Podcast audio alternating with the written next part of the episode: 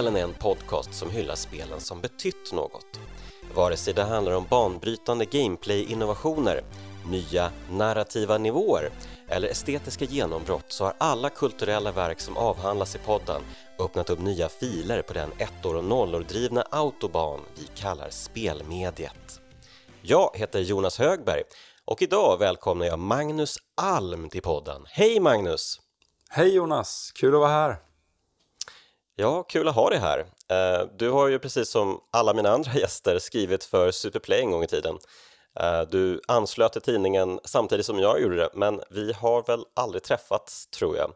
Är det för att du alltid bott i Göteborg och vägrar storstan eller vad, vad handlar det om?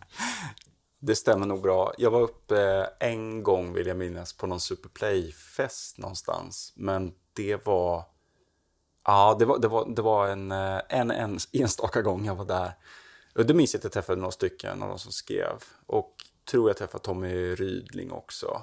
Men annars så var det mest den kontakten jag hade, att jag pratade med Tommy då och då.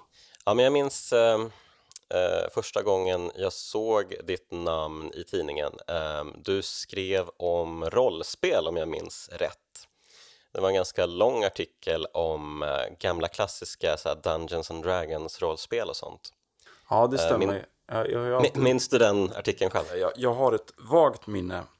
Och eh, jag tror det var så att Tommy specifikt bad mig skriva någonting om det. För att han visste att jag var en sån pen and paper rollspelare. Ehm, mm. Men jag tror nog att i mångt och mycket så innefattade den ganska mycket research. Att jag läste på väldigt mycket. Så egentligen var den nog, vad jag kan minnas, ganska teoretisk. Även om jag mm. ibland nog ofta får erkänna att jag skrev det som om att det var upplevt ur ett första persons perspektiv.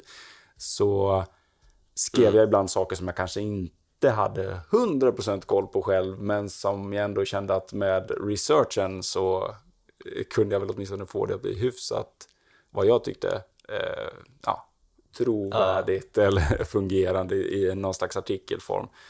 Okej, okay. ja, välkommen till journalistyrket. Ja, men precis. Nej, jag är ju verkligen inte skolad journalist eller någonting sånt. Och jag minns faktiskt den mest pinsamma gången jag gjorde en sån där grej. Eh, eller, ja, alltså så här var det. Jag skrev i någon artikel just i Superplay om Zelda 2. Mm. Och att jag mindes hur man hade slagits mot Ganon i slutstriden.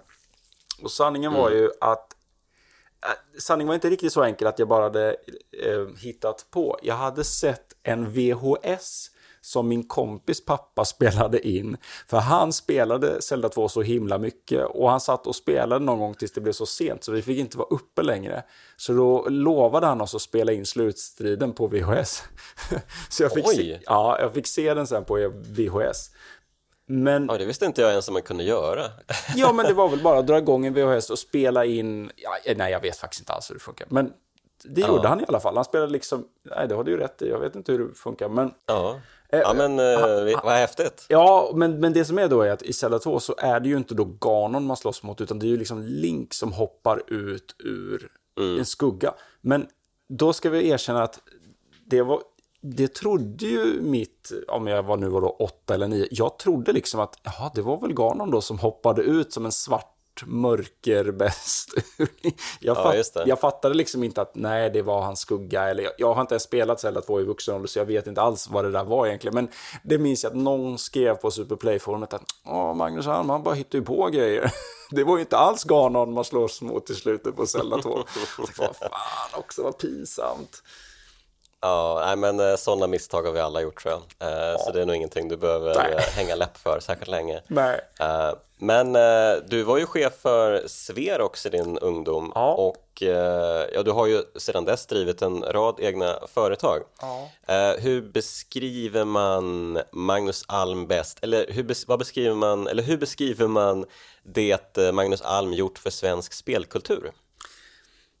Ja, det vet jag inte egentligen, men jag har ju varit engagerad i spelhobbyn då genom Sverok, Spelförbundet och sen så var jag chefredaktör för Sverox som är medlemstidningen för då Sveriges roll och konfliktspelsförbund som den heter. Så jag har hållit på mycket med levande rollspel och arrangerat där. Jag har hållit på mycket med friformsrollspel till konvent och sådär, skrivit scenarion. Sen så när det gäller mer datorspel så har jag ju framförallt hjälpt Eh, till med ett spel som heter Icy Tower som skapades av Johan Peitz som är ju ändå lite så här han är lite rolig Johan för att han var ju indie innan begreppet indieutvecklare fanns riktigt. Icy Tower var en sån här hit som jättemånga spelade, men innan det blev en grej med indiespel. Mm, okay. Ja, så jag var väl med, det var väl egentligen det som jag gjorde på företaget som jag var med och drev tillsammans med Johan, att vi tog det vidare till nya plattformar, till så här Facebook och mobil och så.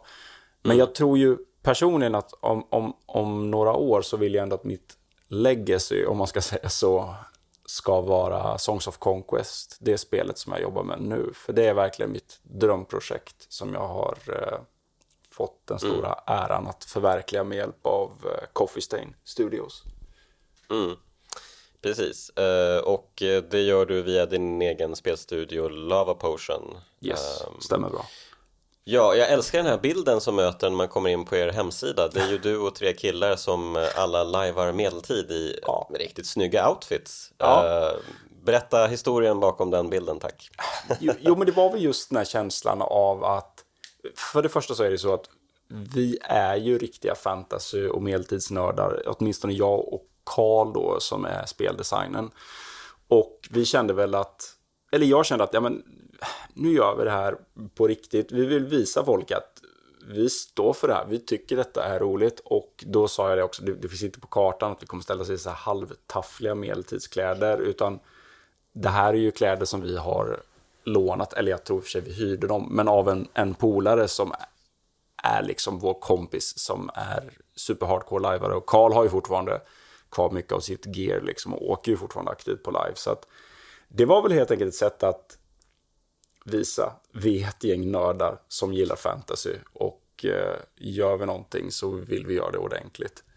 Inte mm. det här liksom, typ, du vet, en amerikansk spelstudio som ska göra något fantasy. Ja, men vi poserade med ett svärd i en liten sån här halvmörk låtsas dungeon. Det blir liksom lätt lite corny tycker jag. Så att antingen får man ju gå mm. all in eller så kanske man lika gärna kan skita i det. Ja men som sagt jättesnygg, verkligen, alla outfits. Um, och uh, precis, vi kan ju gå in på Songs of Conquest. Um, uh, Det är ju liksom, av jag förstått så är det ju eh, starkt inspirerat av Heroes of Might and Magic-spelen och uh, gamla Kings Bounty också. De här strategispelen från 90-talet som satsade på utforskning och mys och av bilderna jag sett på Songs of Conquest verkar ni ta just eh, myskänslan till en helt ny nivå. Vad är er eh, vision med spelet? Ja, ja men du har helt rätt. Just den här myskänslan är faktiskt väldigt viktig. Det är något som jag har pratat mycket om att jag vill att det ska kännas så. Man tittar liksom in i en egen liten värld där man eh, på något sätt känner att oj, vad, vad pågår här inne? Vad, vad har de här små varelserna för eh, egna ambitioner och liksom, ja. Jag pratar lite om så att titta in i ett sånt här riktigt gammaldags mysigt dockskåp, du vet, någon, kanske någon sån här ah, mm. gammal film där man bara säger oh, det lyser och det finns små, du vet, fina detaljer överallt. Man kan bara titta vidare hela tiden. Uh, immersion, mm. som är väl så här fint engelskt begrepp för inlevelse antar jag, eller någonting sånt är ju ett ord som vi har pratat mycket om. Mm. Um, to, alltså, rent visuellt har det alltid varit viktigt att Songs of Conquest är ett mysigt spel som landar någonstans mellan att kännas gammaldags men samtidigt också ha en modern touch. Mm. För vi spelade ganska, eller vi spenderade ganska lång tid med att eh, göra spelet i en helt annan grafisk stil. Det var fortfarande pixel art, men det var en helt annan look på det. Mycket mer traditionellt klassisk eh, pixel art. Medans, mm. eh, eller efter några år så gjorde vi en, en um, reboot på vårt koncept och sa att vi måste få det kännas mer modernt men samtidigt behålla den här lite gammeldags looken. Och det är väl och det är där vi har landat nu. Så att, eh, det är jättekul att du tycker om det och det är många som kommenterar just kring grafiken. Och Det har väl alltid varit min förhoppning lite att folk ska kunna gå igång på det bara rent visuellt. Mm. Eh, har folk fått eh, börja spela spelet eller hur långt ligger ni i utveckling? Ja, vi har ungefär 100 personer som har tillgång till en closed alpha. Och vi kommer väl släppa på ungefär 100 personer till ganska snart. Okej. Eh, jag hörde att ni fick mycket uppskattning på E3 för spelet också. Eh, var det kul? Absolut, jag menar, vi hade väl, visste vi inte riktigt vad vi skulle förvänta oss, men det var ju kul, det var ju E3-arrangörerna själva som utnämnde oss till liksom det mest, eh, för, the most anticipated, anticipated game from the PC Gaming Show. Så de gick väl liksom igenom och recenserade spelen från alla andra shower på E3 liksom. Ehm, Och det var ju superhäftigt liksom. Och jag tror också i viss mån att vi har, jag ska inte säga, vi har kanske inte så mycket extra vind i seglen av det, men i någon mån tror jag att vi har lite lättare att öppna vissa dörrar just för att vi jobbar tillsammans med Coffee Stain. För att jag tror att deras namn för många representerar ganska hög kvalitet och intressanta spel. Ja, men verkligen. Verkligen. Ehm, ja, men eh, som sagt, jag, jag blev pepp på spelet. Eh, när jag, så fort jag såg det så kändes det liksom eh, direkt bara wow, Ja. det här, det här måste jag sätta på, eh, på minnet. Och eh, ja, härligt. Ja, kul att höra. Eh, hoppas det släpps nästa år, eller? Ja, det kommer det definitivt göra. Ehm, Vi är så pass nära en release att det, det känner vi oss helt säkra på. Det kommer släppas nästa år. Eh, exakt när vet vi inte, men det är ju Q1 vi har sagt so far. Det är möjligt att det slidar lite, men i sådana fall tror jag det rör sig om just en liten eh, förskjutning framåt. Eh, jag tror att det är någon gång ganska tidigt nästa år vi kommer släppa det. Ja, coolt. Eh, Men vi ska inte prata så mycket om Songs of Conquest idag, vi ska prata om vad som kanske kan vara spelets största inspirationskälla. Ja, det kan man säga. Ja. Heroes of Might and Magic 3, dagens kraftspel. Ehm, vad betyder det spelet för dig? Ja, det är nog just den här, jag vet inte, du, jag tror du använder ordet mysighet. För mig är det just ett så otroligt mysigt spel som jag spenderade väldigt mycket tid med att just gotta runt i, gå runt, mysa, titta på atmosfären och bara titta på allt det som liksom glimmar och gnistrar på kartan och njuta väldigt mycket av vad ska jag kalla pacingen. Jag tycker det var väldigt bra det här. Alltså för jag spelar ju ofta på det sättet att jag liksom tittade runt och njöt mycket och planerade och sen kom AI och liksom bara krossade mig. Jag ska inte säga att jag är en särskilt bra gamer eh, eller liksom en sån som är ja, superbra på att ta fram klockorna, strategier och så. Jag är ju ganska mycket en immersive gamer, eller jag tycker om att bygga så här tematiska arméer eller mycket i spelupplevelsen för mig går ut på att liksom bara få vara en del av världen och uppleva det. Men ja, nu har jag i och för sig spelat spel i över 30 år eller liksom så sen jag var liten så att jag, jag har väl blivit hyfsat okej på det nu. Men jag minns det ändå som att rätt ofta fick jag stryk av AIn. Men då satte jag väl ner den till easy i och för sig och så löste det sig. Men det var också något speciellt med just att få bygga gigantiska arméer och sen krossa AIn. Det var ju en jävligt skön tillfredsställande känsla. Som så här i efterhand nu kanske man ser att det kanske inte var den mest fantastiska designaspekten av Heroes. Men det var något som jag uppskattade när jag var 16, 17, 18, 19 eller vad jag nu kan ha varit när jag spelade spelet. Precis. Eh, Jag eh, blev ju direkt bara knockad av mysigheten nu när jag spelat om spelet eh, för någon vecka sedan. Ehm, Och jag spelade det ju, jag tror jag inte spelade trean utan tvåan väldigt mycket ehm, i slutet på 90-talet, eh, början på 2000-talet. Ehm, och det är ju det, liksom det man minns när man trampar runt på den här overworlden Ja. och eh, bara liksom eh, alla dessa saker man kan utforska och liksom eh, klicka på alla städer man kan erövra, alla liksom områden man kan utforska eh, och i den här fantastiskt fina ehm, tecknade skruden. Det är liksom, eh, ja men det här spelet är verkligen myskänsla för mig. Det är så himla tydligt. Ett mysigt spel. Ja, men jag, jag håller helt med. Och, och det är samma för mig där att Heroes 2 är egentligen... Jag höll det högre än Heroes 3 väldigt länge. Mm. Uh, men uh, i slutändan så var nog ändå Heroes 3 över mig. Men jag minns ju ändå så tydligt att jag liksom spelade Heroes 2 först. Jag tror till och med att jag spelade Heroes 1 någonting. Men ja, jag vet inte.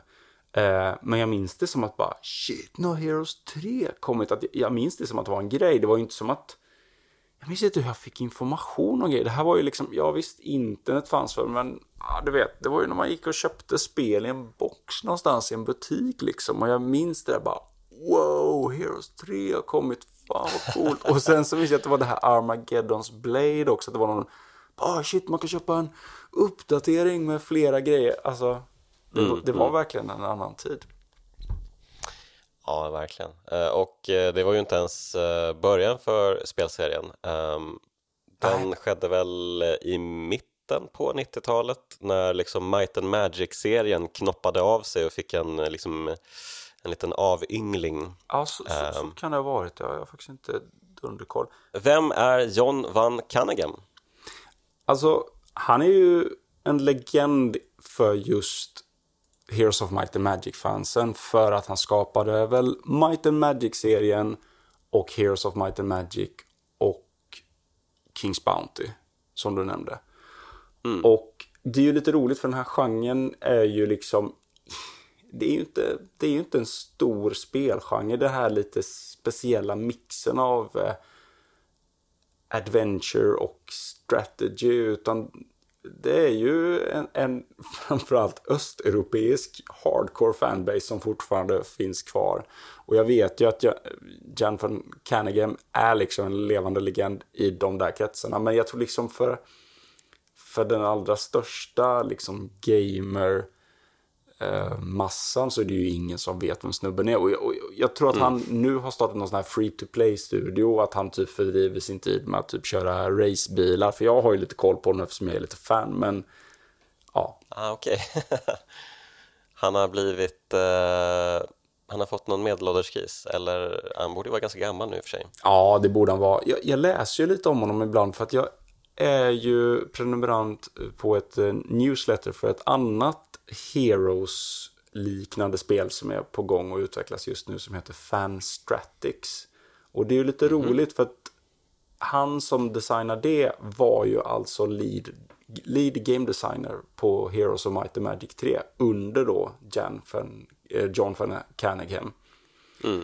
Och det är ju lite roligt för att eh, när jag signade upp på Fanstratics newsletter så fick jag direkt ett mail från den här killen som heter Gregory Fulton och sa Hej Magnus, vad kul att du signade upp. Eh, jag ser jättemycket fram emot att testa ert spel. Jag tänkte, vad fan, det är ju mm-hmm. helt sjukt. Här sitter man och får liksom mail från snubben vars spel man spelat så jäkla mycket.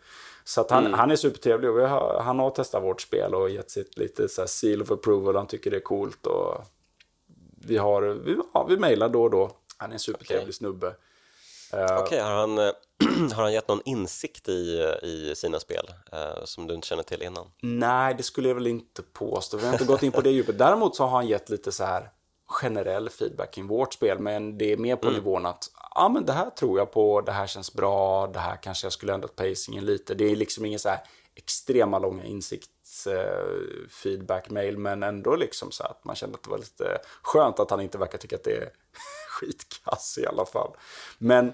Ja, men verkligen. Du, ja. är ju, du är ju godkänd nu. Ja, men lite så. Men, men det, det riktiga, vad ska man säga, testet hade väl varit om John van Canningham skulle spela spelet och ge sitt silver approval. Det hade ju varit svincoolt. Men mm.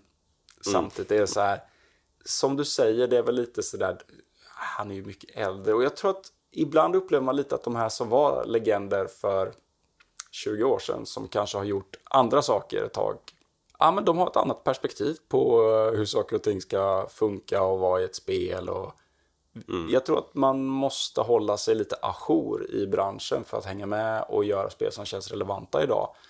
För det är så mycket, mm. även så, om man öppnar upp Heroes of Might and Magic 3 idag så tycker jag personligen att jo men det är nice. Jag, skulle, jag, jag kan spela det ibland bara för nostalgins skull. Men mm. man känner ju att det är rätt daterat minst sagt med UI och annat. Mm. Ja, absolut. Det, det är ju ganska spelbart ändå skulle jag säga, men eh, absolut, man blir ju lite, man blir lite mätt på vissa saker, så är det. Mm. Eh, men eh, mycket av den här spelmekaniken i Heroes of Might and Magic-serien serien, kom ju från Kings Bounty mm. um, som också gjordes av John Van Canagan. Yes. Eh, ja, man färdas ju runt på en karta i det här spelet precis som i Heroes of Might Magic. Man har taktiska strider, eh, ett visst urval av enheter, man intar slott och använder magi så att det fanns ju Alltså nästan alla beståndsdelar fanns ju på plats redan där. Mm. Jag vet faktiskt Har du spelat Kings Bounty? Ja, jag, jag, jag vill minnas att jag kanske laddade ner någon sån här piratkopierad version då när det, var, när det begav sig när jag spelade de andra spelen på 90-talet. Bara liksom för att kolla mm. vad det var eller om jag köpte det, jag vet inte. Mm. Eh, men, men jag tror inte, jag kände nog ingen som spelade det och eh, eftersom jag började med Heroes 2 att gå tillbaka till Kings Bounty, det hade nog känts verkligen som en så här downgrade. Det är ju väldigt... Eh, jag tycker i och för sig det är ganska fin grafik även idag då, men... Ja, det är lite lo-fi. Ja, det är bra. det kan man säga. Lugnt säga, det är väldigt mm. lo-fi. Men det är ändå mm. den här härliga, charmiga, färgglada paletten och liksom... Ja. Men nej, jag, jag har aldrig riktigt så. Däremot har jag spelat Kings Bounty The Legend som var en slags remake som gjordes av en då, eh, återigen, rysk studio. Eh, ja, jag vet inte om det är så 20 år senare. Kings Bounty The Legend kom för, nu vet jag inte om det är typ 10 eller 15 år sedan. Men, mm. eh, och den, där, det var faktiskt min svåger som sa till mig, men du, fasen, du gillar ju Heroes-spelen, ska du inte spela Kings Bounty? Jag ah, vet inte. Så, men Kings Bounty The Legend finns på Steam, det är rätt nice. Ja, han höll på att köta om det några år tror jag. Och så tänkte, tänkte jag någon gång, du vet någon regnig dag när det var så Steam-rea, bara, ja, Kings Bounty The Legend, ja, det är väl värt. Och så var det bara, oh, vilket spel. Ja, det var ju som att få lite det, det, har, det, har många likheter med Heroes, men det är mer att du går runt och hämtar ut dina trupper ute på världskartan. Du har liksom ingen stad som du producerar trupper i, i Kings Bounty The Legend. Ah, okay. Utan det är mer som ett enda långt äventyr där du får recruita på olika ställen i världen och där du över tid mm. tvingas att liksom ändra lite strategi för du kanske inte kommer åt samma sorts trupper längre. Och det kom faktiskt ut ett Kings Bounty 2 nu, precis. Okej. Okay.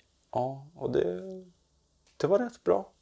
Jag gillade det. Okej. Mm. Värt att kolla upp alltså? Ja, det är många som har uh, varit rätt gnälliga på det spelet kan jag säga. Men jag tycker det är värt att kolla upp. Och i synnerhet om man är ett Hardcore Heroes-fan. Jag tycker framförallt att det var kul strategiska strider. Sen har man försökt göra det lite så här RPG med bra story och så. Problemet är att det är bara cringe liksom. Allt som har med story och acting och skådespeleri ja. är rätt kass. Men okay. jag kan ha överseende med det eftersom jag gillar hela strategielementet och artefakterna och att göra en cool armé och komma på roliga mm. strategier.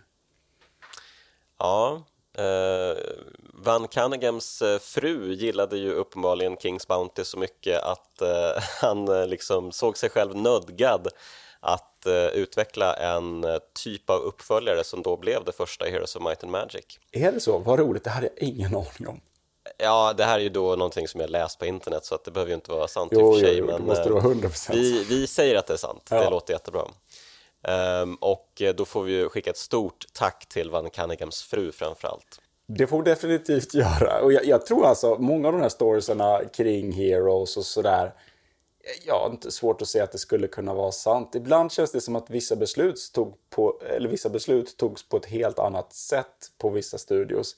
Eh, mm. för, ja, på den tiden. Och det är det som är lite roligt med det här eh, nyhetsbrevet från Fanstratics eh, med Gregory Fulton. Då. Han eh, har som en grej att han brukar skriva med någon liten lustig anekdot från mm. tiden då han utvecklade Heroes of Might and Magic 3 i det här eh, nyhetsbrevet. Och det är lite roligt att läsa om det just för att man inser att det var en så annorlunda tid och han beskriver allting kring hur du vet, source code har snotts av utvecklare och sen hittats i andra spel som typ att, ja, hur fan var det? De, de, de hade någon snubbe som jobbade på Heroes of Might and Magic 2 tror jag.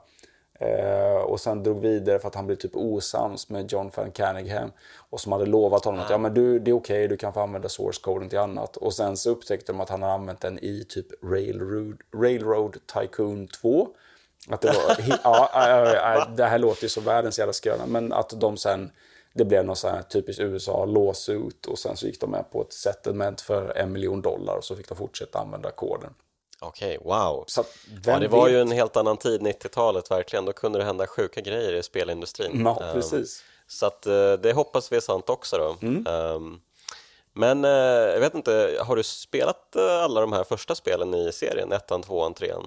Mm, ja, Heroes of Might and Magic, absolut. Jag har spelat ettan, tvåan och trean. Men det jag har spelat mest är trean. Men vad ser du för skillnader mellan de två första spelen och trean? Eh, många säger ju ändå att liksom, trean är det ultimata, det bästa Heroes of Might and Magic-spelet för att det gjorde, ja men det liksom eh, finjusterade många saker som ettan och tvåan inte riktigt eh, hade koll på. Um, så vad ser du för skillnader däremellan? Ja, det är en bra fråga. Nu ska jag säga, villigt erkänna att det var väldigt länge sedan jag spelade det. Men jag minns ju i alla ja. fall att först när jag, när jag bytte över till trean så tyckte jag att nej men tvåan har sin charm. Och framförallt så var jag nog väldigt förtjust i pixelarten och tyckte att den trean... Man tyckte nog att det var ganska snyggt när det kom. Eh, men nu när jag tittar tillbaks idag så kan jag ju se att tvåan har ju åldrats mycket mer med värdighet än vad trean har gjort rent grafiskt. Mm. Men vad jag kan minnas var väl framförallt att det bara kändes djupare, att det fanns mer val att göra som spelare och att det var liksom lite mer av allt. Sen har jag nog inte spelat det så mycket senare år att jag har gått in i en djupare designanalys för att kunna känna efter att ja, men du vet, det, det var bättre med magin versus might. Jag kan säga att när vi diskuterade då, när vi började jobba med Songs of Conquest, så min um, goda vän och kollega som är speldesigner för Songs of Conquest förklarade ju massa saker för mig som jag typ aldrig hade fattat med Heroes. Det bara. Och, och, och, och sen så passade vi på att köpa på Ebay så här gamla manualer för Heroes 3 och så bara, vad fan. Man går tydligen bara så långt som din långsammaste trupp. Så här, Eh, på Adventure Map. Ja, ja, visst. Så att det är så här typ eh, pro-spelare använder sig aldrig av zombies för att det går för långsamt på Adventure-mappen. Nej! Jo, uh, okay, Vad är alltså, nu detta? Det, det, här är ju det sjukaste jag hört. ja, det, och det, det är så här saker som inte spelet förklarar överhuvudtaget. Och det är det där jag menar lite det här med att det känns lite arkaiskt och UI-mässigt. Det är mycket saker som man bara typ eller jag vet inte, det kanske man för, kanske förväntade sig sitta och läsa igenom en manual då. Ja, men i och för sig, 90-talet var en annan tid, Magnus. Ja. Det har vi redan konstaterat många gånger. Eh, ja. Och, och eh, manualen var ju faktiskt en del av spelupplevelsen på många sätt. Jo, men det stämmer ju. Det, det... Ja. Men, men vad jag kan minnas så köpte jag ju de här spelen boxade eller du vet CD-skiva och där fanns det ingen manual så jag vet inte. Jaha, okej. Okay. Äh, ja, inte box då kanske utan en CD-pack liksom. Så här value pack eller vad det nu heter liksom känns som en fråga du får ställa till eh, din eh, polare. Ja, um, faktiskt. Hur var det där egentligen? Var det så att man förväntades kika i manualen? Det har du faktiskt rätt Det är lite kul. Kan mejla och fråga. Mm. Men, men vi kan väl gå in lite på liksom det rent speltekniska i spelet. Mm. Um, det är ju precis som titeln antyder så måste man ju ha i alla fall en hjälte då, antingen en magiker eller en krigare, mm. Might and Magic. Precis. Eh, och den här hjälten, eller hjältarna, man får ju eh, köpa till sig nya hjältar i, den här, eh, ja, från städerna man erövrar finns det ju liksom, man kan uppgradera så att man har små saloner eller pubbar där hjältar bara dras till automatiskt som flugor liksom och ja. bara mm, ja, jag väntar på att någon ska anställa mig här och ge mig ut och härja lite. Eh, så det är mysigt, än en gång. Ja. Uh, jättebra. Och, uh, ja, och hjältarna de har ju arméer då, som vi varit inne på, som man dels får, man kan ju liksom hämta trupper på ställen ute på kartan, men man, för det mesta så är det ju via staden då, som, eller städerna man erövrar, som man kan köpa till nya stadsdelar som ja, dels förbättra själva staden men också låta den köpa nya och eh, bättre enheter um, och även uppgradera uh, magitornet så att man får bättre trollformler och sånt. Um, och sen beger sig hjälten ut i den här stora fina öppna mysiga mm. spelkartan um, och ja, men ska erövra uh, typ alla städer eller slå ner andra uh, fiendens hjältar och det är ju fantastiskt. vad, vad, vilken, det finns ju liksom olika vad kallar man det liksom? Det finns väl åtta olika typer av eh, hjältar som har egna liksom arméer. Eh, vilken föredrar du? Ja, precis. Jag antar att du syftar på det som brukar kallas för factions då, att det är liksom mm. hela liksom, vad ska man säga, lagen, de åtta olika lagen. Ja, just det. Ja, mm. Jo, precis. Du, jag föredrog alltid Necropolis eller ja, nekromantiker, odöda. Det var liksom min mm. grej. Jag har alltid spelat det i princip i alla spel jag kunnat så gillar jag att spela nekromantiker. Jag vet inte varför. Jag tycker bara det är roligt med skelett och det är ju väldigt roligt för ne Necromancy har ju varit en sån här grej då i Heroes-sammanhang att eh, det är en OP strategy och det görs ju fortfarande mm. videos om det där. Och nu ska jag vilja hävda att antagligen finns det tusen andra strategier som är jättemycket bättre men också svin mycket tråkigare för att du vet game designers lägger till saker som de inte kommer på att folk kan exploita och sen har folk haft typ jag vet, vad är det nu, 25 år på sig att hitta de bästa exploitsen. Så jag tror att just nu är typ den, anses väl, diplomacy är typ den bästa skillen anser folk. Ja, just det. Ja, mm. sådär. Men Necromancy tilltalar mig något oerhört och jag är också en sån här ekonomispelare. Jag gillar alltid när man känner att man tjänar någonting på att spela spelet eller att man får en passiv inkomst eller någonting sånt. Och just den här mm. tanken på att ja, jag slogs och jag förlorade, eh, du vet, 100 zombies. Men 150 eh, totalt kom tillbaka som skelett som slåss i min armé. Mm. Eh, så det har ja, alltid varit okay. min grej. Men vad spännande, då hade du ju eh, massa zombies då och eh, förflyttade dig jättelångsamt på världskartan. alltså jag, jag hade ju ingen koll på den här grejen överhuvudtaget. Nej men då, det är väl lite det som är grejen. Jag, jag spelade ju Necropolis för att jag älskade temat, inte för att ja. det var den bästa strategin. Eh, och sen har jag också förstått så här bara, oj, oj, oj, Ghost Dragons, det är ju, de är ju bäst för de gör typ din fiende disease. Det finns rätt mycket såna här små grejer som man liksom inte alls, ja, det gick väl mig helt över huvudet när jag var yngre och spelade liksom. Mm. Men det är klart, jag minns ju så här saker, typ, fan heter de, Dread Knights eller Death Knights, nu kommer jag inte ihåg, att de eh, kunde slå två gånger om jag inte minns fel. Att det var Vampires var ju helt grymma för att de sög blod och typ healade upp sig själva. Och till och med inte bara healade utan regenerated. Att de liksom stacken gick upp i antal igen. Om flera hade dött så kunde du liksom bara... Ja, det var ju så... Mm. Jag älskade det där. ja, härligt. Uh, ja, men uh, vi kan ju prata om de här skillsen då. Uh, man lär sig ju dem, man har väl vissa med sig från början, men man lär sig väl de flesta liksom ute på kartan när man besöker olika, mm. så är det ja men, ja men så här, träd och ja. Framförallt var det ju att möjligt. du kunde ta kistor um, och du fick alltid mm. välja mellan om du skulle ta Do you either take the gold for yourself or distribute it to your troops eller någonting sånt. Som, eller jag minns det så i alla fall. Och poängen var att om du tog guld själv så fick du ja, guld uppenbarligen. Eller så fick du då XP om du distribuerar guldet. Hur det nu var, mm. eller delade med dig av det. Eh, och då fick du ingen guld, men då fick du XP istället. Och det var en sån här klassiker att man alltid bara, nej, ta allt i XP så du får levela upp för en så jävla god känsla och dinga en ny level. Och det är bara om man är så riktigt desperat för att man vill bygga en byggnad precis innan det blir ny vecka kanske. För att i Heroes fick du ju bara trupper då en gång i veckan. Varje måndag så är det liksom ny, då bara automatiskt fylls alla trupppooler på liksom. Men eh, för att återkomma då. Eh, skillsen du fick när du levlade, du hade ju tror att alla hade en skill extra från början. Men jag, jag, kan, jag kan minnas fel att alla hade liksom en förvald skill. Men annars så var det så att det finns väl då så kallade skill pools för de olika Eh, klasserna. Och då vill jag minnas att det var alltid så att på vänster sida så visades en skill som du redan hade. Eh, om du, som du kunde då få välja att levla upp.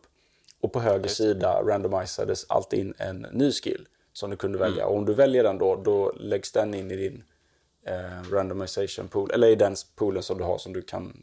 Men annars så kommer det här vänstervalet alltid ligga kvar tills du har valt att levla upp just den skillen då. Och så får du en ny hela tiden på höger sida. Så minns jag det i alla fall. Men eh, ja, och det fanns ju en rad olika skills och du var inne på det där att diplomacy är eh, många som anser vara den absolut bästa och det, det märkte jag ju nu när jag spelade om spelet att det var extremt värdefullt att ha diplomacy eftersom man i så fall när man möter liksom fiender, fiendetrupper som bara stryker omkring på världskartan som inte styrs av en hjälte Ja. Eh, har man tillräckligt bra diplomacy skills så kan man ju övertala nästan alla att eh, joina en istället. Ja. Det är ju fantastiskt. Ja, och jag, jag tror till med det så är många av de här. För det finns ju en liten så här competitive scen med PVP-spel. Och jag tror att i många fall så är det nog så att diplomacy är liksom en bannad skill. Man får inte använda det för det är liksom bara Ah. för bra. Eller det blir liksom inte intressanta matcher. Eller, men det här är lite hörsägen också. Jag vet faktiskt inte 100%. Men jag har bara förstått som att många tycker då att den är det bästa. Och det kan man också säga som hur jag spelar. Och jag valde ju aldrig diplomacy. Och så, "Äh, varför det? Jag vill inte... Jag, jag vill ha lite coola skelett liksom. Eller jag vill ha fräckare liches eller du vet. Så att... Eh, Du körde mer eh, attack eh, straight on liksom. Ja, inte nödvändigtvis attack, men jag försökte nog välja saker som kändes tematiskt korrekta med min eh, Oj, okej. hjälte. Snacka om rollspelare här alltså. Ja, men faktiskt, det har väl alltid varit hyfsat viktigt för mig. Men ja, kanske i alla fall tematiskt korrekta med själva faktionen då, om man säger så. Liksom att det känns som att, äh, vadå, vi är odöda, ska vi hålla på att vara diploma, diplomater liksom? Det känns inte... Nej, ja, jo, det är väl lite rollspelsnördigt, det får man väl just erkänna. det. Mm, just det. Eh, ja, men en annan sak vi kan prata om är ju magin som ju är jätteviktig också. Ja, Ehm, absolut. Även är man magiker så börjar man ju med en eh, besvärjelsebok men eh, även när man spelar som krigare så måste man ju använda magi för att magi är ju så pass värdefullt i strid. Ehm, och eh, ja, det går väl knappt att spela spelet utan att använda sig av magi när man tar sig liksom högre upp i de olika eh, kampanjerna. Ja, jag vet inte riktigt. Alltså, vad jag hörde någon säga var så här, ja, fast egentligen är det might som det är det absolut bästa. Men eftersom du ändå får tillgång till magi också, även om du har skitdålig mana eller level eller vad det nu är, så är det så här, ja, det är alltid värt att ta magi ändå. Men att might-spåret och typ så här passiv buffa sina trupper med mer defense och mer offense är typ, det är det bästa. Men jag vet inte. Okej, Okej, men det är ju roligt att använda magi i alla fall. Exakt, du har 100% rätt. Och det är ju det som spelar någon roll. Precis. Ja, eh, ja, men vad minns du av magin? Har du någon eh, trollformel som du tyckte var allra fräckast eller bäst? Ja men absolut. eh, Eller, jo, jag kommer ihåg klassiska. Det var ju en sån här hjälte som många tog för att han hade en spel från början. Det var ju Solmyr. Han är någon slags eh, genie, en sån här blå ande. Ser nästan ut som anden i Aladdin-filmen från Disney. Ehm, han hade Chain Lightning som eh, spel redan från början i sin spelbok. Eh, kruxet var att man har ju så lite mana så vad jag kan minnas kan man ju typ kasta den en gång vart typ femte drag eller något i början innan man har levlat upp sin, eh, ja vad det nu är som ger mana, jag har glömt om det är intelligence eller wisdom eller vad det heter. Men, eh, så han var ju, kommer jag ihåg, och de- den spellen kommer jag ihåg att den var ju liksom det coolaste. Sen fanns det ju andra också, så här typ Armageddon och eh, Just det. Ja, alltså jag minns ju magisystemet överlag rätt bra som att det var jävligt josigt och gött liksom att kasta grejer. Det kändes liksom fett, tyckte jag. Att, att, att slänga magi, det var jävligt nice. Eh, och det var nog något de gjorde väldigt bra. Det kändes som att man var, wow, jag är en mäktig magiker, även om jag liksom inte är delaktig i själva striden. Ja men precis, hjälten står ju vid sidan om och eh, ja, det enda den kan göra egentligen är ju att eh, ja men man kan ju placera ut sina trupper om man har den skillsen eh, att man liksom kan placera ut dem lite på sin del av spelplanen. Men Det ser lite ut som ett schackbräde, eh, Ja, det gör det. spelplanen. Ja, men då ska vi säga också, bara, om vi nu nämner det, om vi vågar oss lite fram till tiden så var det ju faktiskt så att i Heroes 4, där gjorde de det Mm. Okej. otroligt konstiga designvalet. Eller jag ska inte säga otroligt, men man vill ju experimentera lite. Där, där kan Heron gå runt på slagfältet och dö på slagfältet. Jaha, Ja, oj. jag har inte spelat, jag har aldrig spelat Heroes 4 själv. Eh, och jag vet att det är lite sådana här vattendelare att folk antingen hatar eller älskar det. Och de flesta tycker väl liksom att det är bara en konstig, jättekonstig version av Heroes. Men jag vet att vissa tyckte att det var fantastiskt. Men det har de ju aldrig gått tillbaka till sen igen. Ehm, och sen kan man säga att generellt eh, fyran har så jävla låga produktionsvärden jämfört med trean. Eh, och det finns några riktigt rasande fula intro man kan kolla på på YouTube om man är nyfiken på hur spelsen degenererade från trean och framåt. Eh, Med, jag tror att ehm, det är en barbarhövding hövding som heter han heter någonting typ Mongo eller någonting. Alltså, och sen så är det en kung som heter typ Spasmaticus. Och någon nekroma, alltså, nekromantiker som heter... Alltså, och, och, alltså, jag ska inte. Bilderna är så legendariskt fula så man undrar. Det är knappt möjligt att ett spelstudio som liksom släpper sitt fjärde spel i en serie kan ha så här ful grafik. Men ja, det, det är mycket fulare än liksom treans jättefräcka 3D-renderade intro. Så att... Eh, men sen så shapar Ja. saker upp igen i femman. Så att, ja. Men, precis, men och för att eh, bli någorlunda bra i trean, eh, för att levla upp, så måste man ju veta man måste ju veta när man ska köpa vad i staden. Eh, alltså i värsta fall så går det väl att vinna de flesta strider med lite strategi och välvalda trollformer men det blir ju lätt så att om man halkar lite efter då går det väldigt snabbt att fienden bara nej men nu slukar jag allt på hela kartan liksom. Ja, det blir ju lite så här snowball-effekt och det är väl det man kan känna så här i efterhand att det kanske inte är det mest intressanta design eller balansen. Men det köpte man då det var coolt liksom. Det var ju också en del av spänningen att fuck, nu kommer AI och jag är inte färdig än, jag kommer dö liksom. Men så blir det den här, men äh, jag får börja om liksom från mitt save för 20 turns sen och liksom foka mer på den här grejen eller så.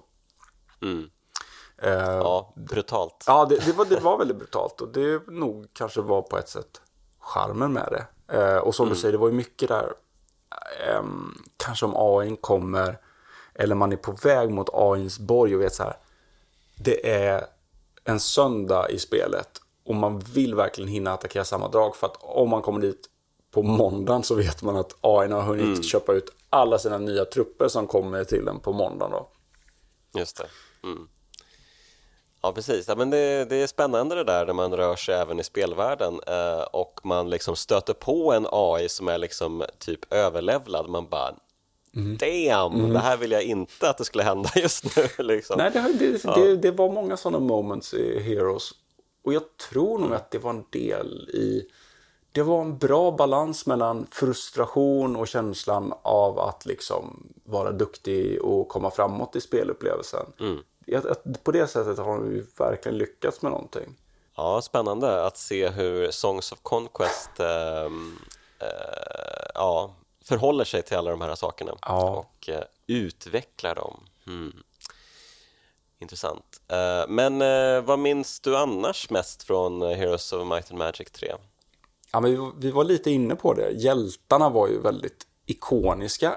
Även där, skulle jag säga, fast de egentligen är ganska underutvecklade. Men Mm. Eh, ibland kanske det låter lite så tarvligt om man säger att man var kanske inte direkt, eller man var lite svältfödd på fantastiska spel. Men ja, det är ju klart att spelen har utvecklats så otroligt mycket mer sedan dess och fått så otroligt mycket större budgetar. Men det räckte på något sätt med bara ett, ett porträtt, ett namn och en specialisering.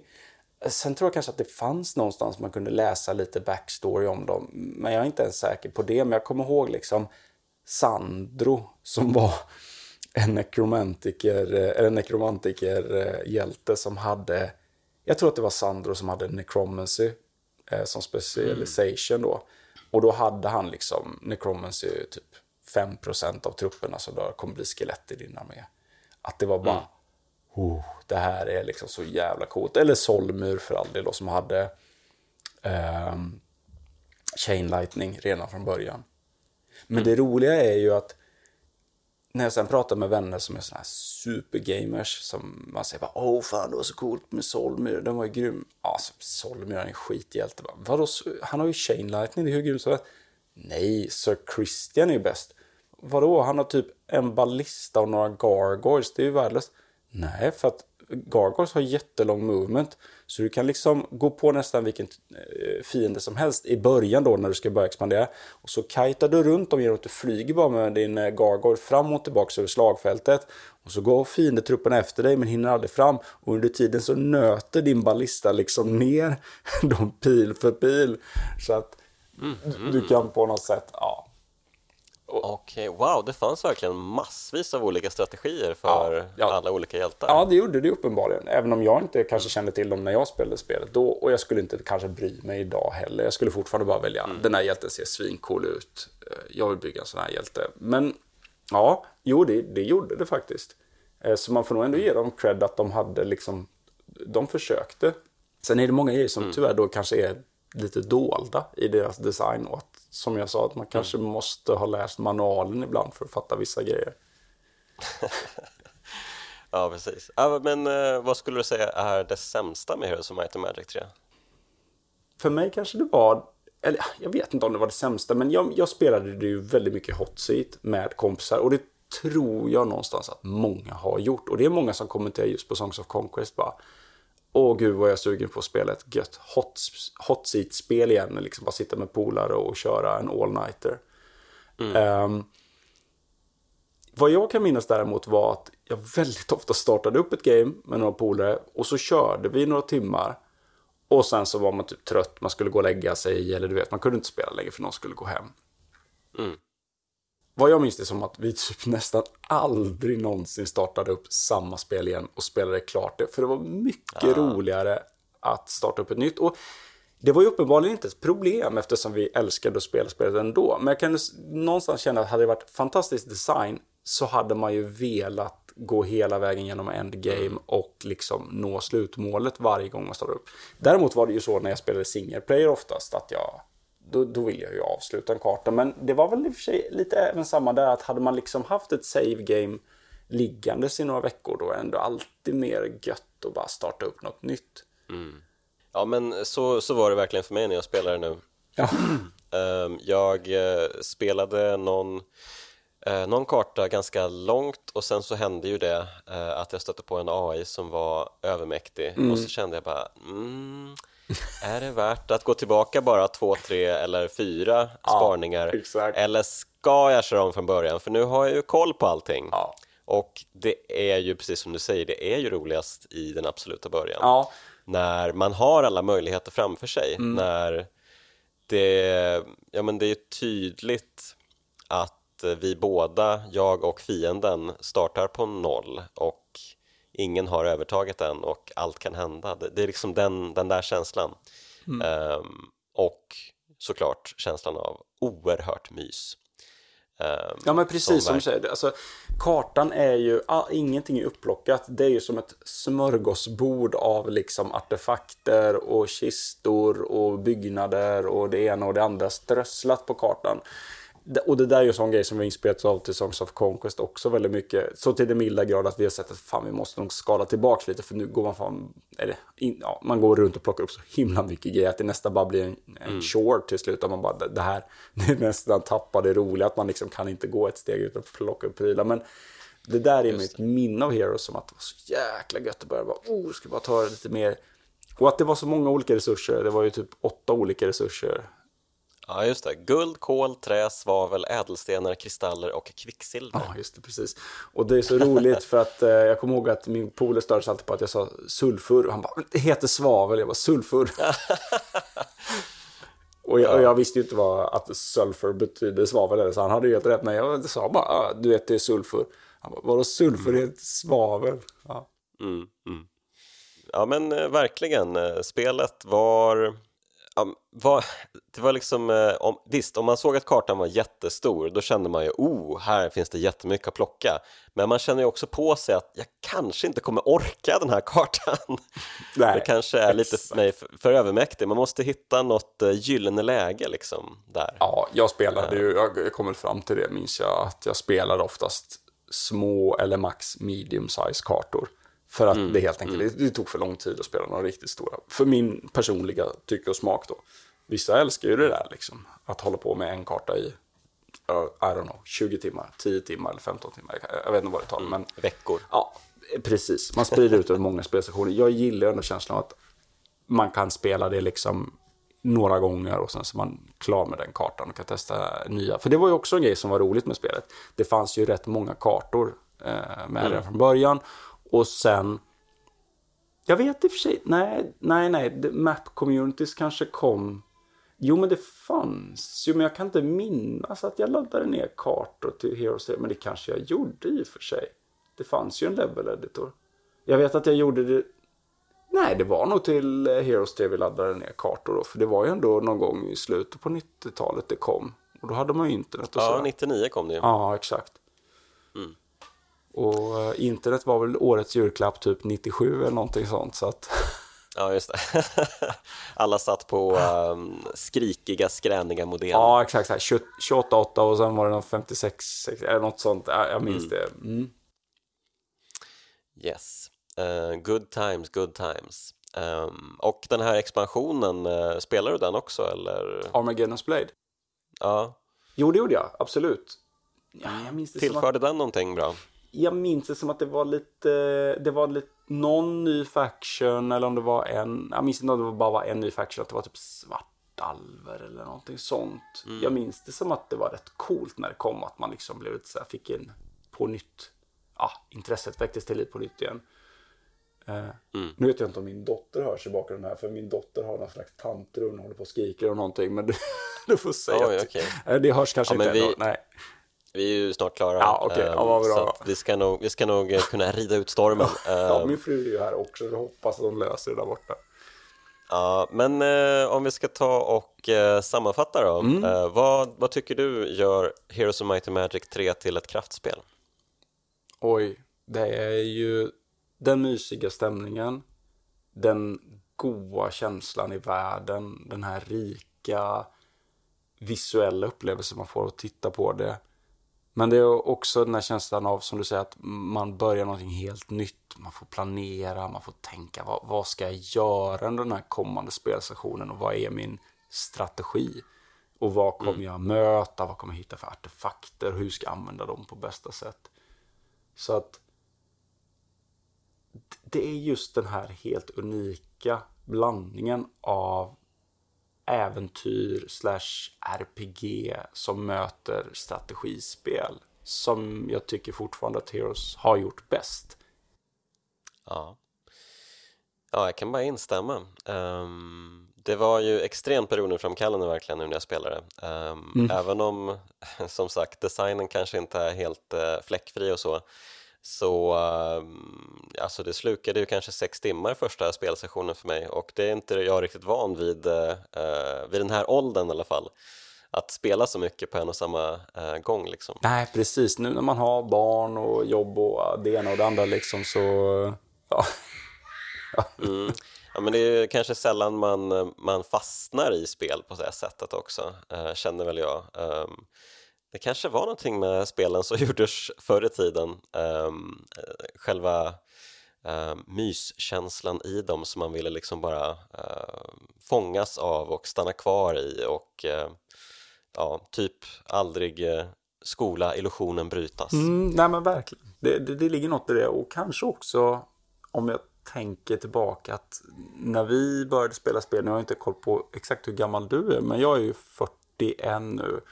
Det var ju mm. lite att det fanns ju inte den här otroliga tillgången till fräckt content. Utan visst, 80-talet var ju mycket balla VHS-filmer och serier och så. Men eftersom man var i Sverige så var det ändå inte som att... Och det fanns inte internet på samma... Ja, det började ju komma där då. Men det var liksom ändå känslan att shit, det är coolt, det är nytt. Det var något uh, jäkla... Något utöver det vanliga liksom. Och så för mm. mig var väl också det att Heroes låg precis i den där, ja, man började bli den här åldern och man upptäckte världen i övrigt. Men det, det kändes just den här mysighetskänslan. Man kunde fly in en mörk höstkväll så kunde man bara sätta sig med en kopp te. Och det var eh, en bra summering var faktiskt, jag hade en kompis, jag hade rätt många kompisar i gymnasiet som jag inte alls liksom kände eller var särskilt bra polare med, men det visade sig att de hade också spelat Heroes of Might and Magic och jag hade ingen aning om att de var typ gamers och jag tror inte ens de identifierade sig som, som gamers. Vilket är det som mm. gjorde Heroes till ett så intressant strategispel, för att det är inte heller, det är många som har spelat det som aldrig skulle säga att de är strategispelare faktiskt, har vi märkt nu när vi mm. har på med Songs of Conquest och frågar runt lite vad folk har för känslor kring Heroes of 3, eller Heroes of Might and Magic 3. Men då minns jag att jag hade med en kompis från gymnasiet och vi satt och spelade um, Heroes 3 då i Hot Seat. Och så han började ha någon, ha skåning, han, han hade en lång utläggning om uh, hur han hade haft typ 500 Black Dragons som uh, du vet dödade 200 Titans och han liksom babblade på det. Och så liksom bara la han upp fötterna på mitt skrivbord, så lutade han sig bakåt i kontorstolen och så la han liksom händerna bakom huvudet och sa så här Data är livet. Så. och jag var någonstans där och då så var ja, men det, den där, det var den känslan med att data är livet. Det var gött. Ja, gud vad bra. Ja, ja det, det känns som en um det känns som ett uh, citat att avsluta med, absolut. Ja. Uh, Magnus Alm, tack för att du var med i Kraftspelen. Tack så jättemycket att jag fick komma. Lycka till med uh, Songs of Conquest. Tack så mycket. Och eh, du som lyssnar, tack så mycket för att du gör det. Och även ett stort tack till de finfina pojkarna i Bitpopbandet 047 som gör signaturmelodin till Kraftspelen. Eh, vill ni så kan ni följa Kraftspelen på Instagram och eh, där kan ni även följa Songs of Conquest, så passa på att göra det. Och vi, vi hörs igen nästa vecka.